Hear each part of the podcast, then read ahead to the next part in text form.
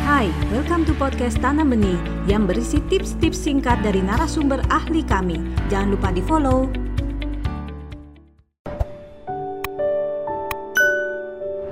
Kemudian yang ketiga yang difficult child kelebihannya adalah dia anak yang memegang teguh prinsip dalam hidupnya.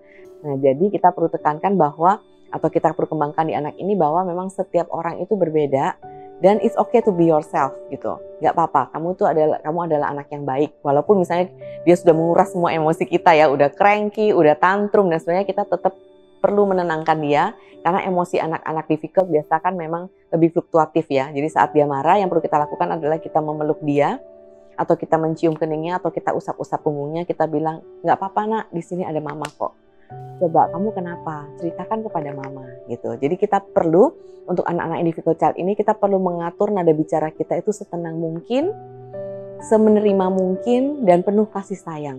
Kemudian kita bekali mereka dengan keterampilan-keterampilan social skill atau keterampilan-keterampilan menjawab pertanyaan dari orang lain atau keterampilan-keterampilan untuk berempati kepada orang lain atau mengajak orang lain melakukan sesuatu itu dengan cara tadi.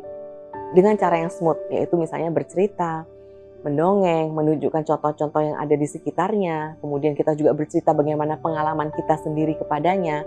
Nah, dengan seperti itu kita lakukan secara terus-menerus, maka si anak difficult child ini akan lebih bisa memahami, bisa mengendalikan emosi, bisa mengontrol emosi, dan juga kita perlu ajarkan bagaimana cara mengontrol emosi. Contohnya, kalau kamu lagi marah, kalau kamu lagi nggak seneng sama orang, ya kan, kamu bisa kok take your time dulu dengan cara tarik nafas panjang, kemudian keluarkan lagi, kemudian tarik lagi, keluarkan lagi sebanyak tiga kali. Saat kamu sudah mulai merasa baik, barulah kamu mengatakan kepada orang itu apa yang kamu rasakan. Contohnya misalnya mainan kamu lagi direbut, kemudian kamu nggak seneng, ya kan? Nah sebelum kamu berteriak, kamu kan pasti ingin berteriak nih, ya kan? Biasanya mami lihat kamu berteriak nih. Nah sebelum berteriak, kamu tarik dulu nafas panjang, keluarkan, tarik nafas panjang, keluarkan, kemudian bilang ke teman kamu bahwa aku nggak senang kalau mainan aku kamu ambil begitu aja. Lain kali kamu bilang ya, kalau kamu bilang aku pasti akan pinjemin kok gitu.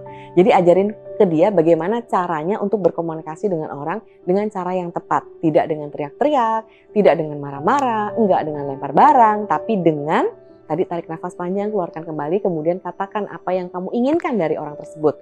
Karena dengan dia terbiasa membicarakan apa yang dia inginkan dari orang tersebut, maka orang lain akan tahu maksud dia apa, dan akhirnya interaksi itu akan terjalin dengan baik.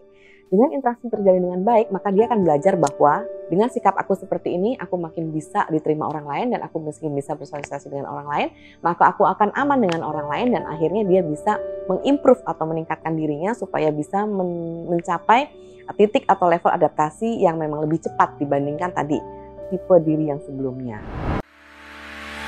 Anda baru saja mendengarkan tips dari Tanam Benih Foundation. Mari bersama-sama kita terus belajar untuk menjadi orang tua yang lebih baik demi generasi yang lebih baik. Jangan lupa follow podcast kami.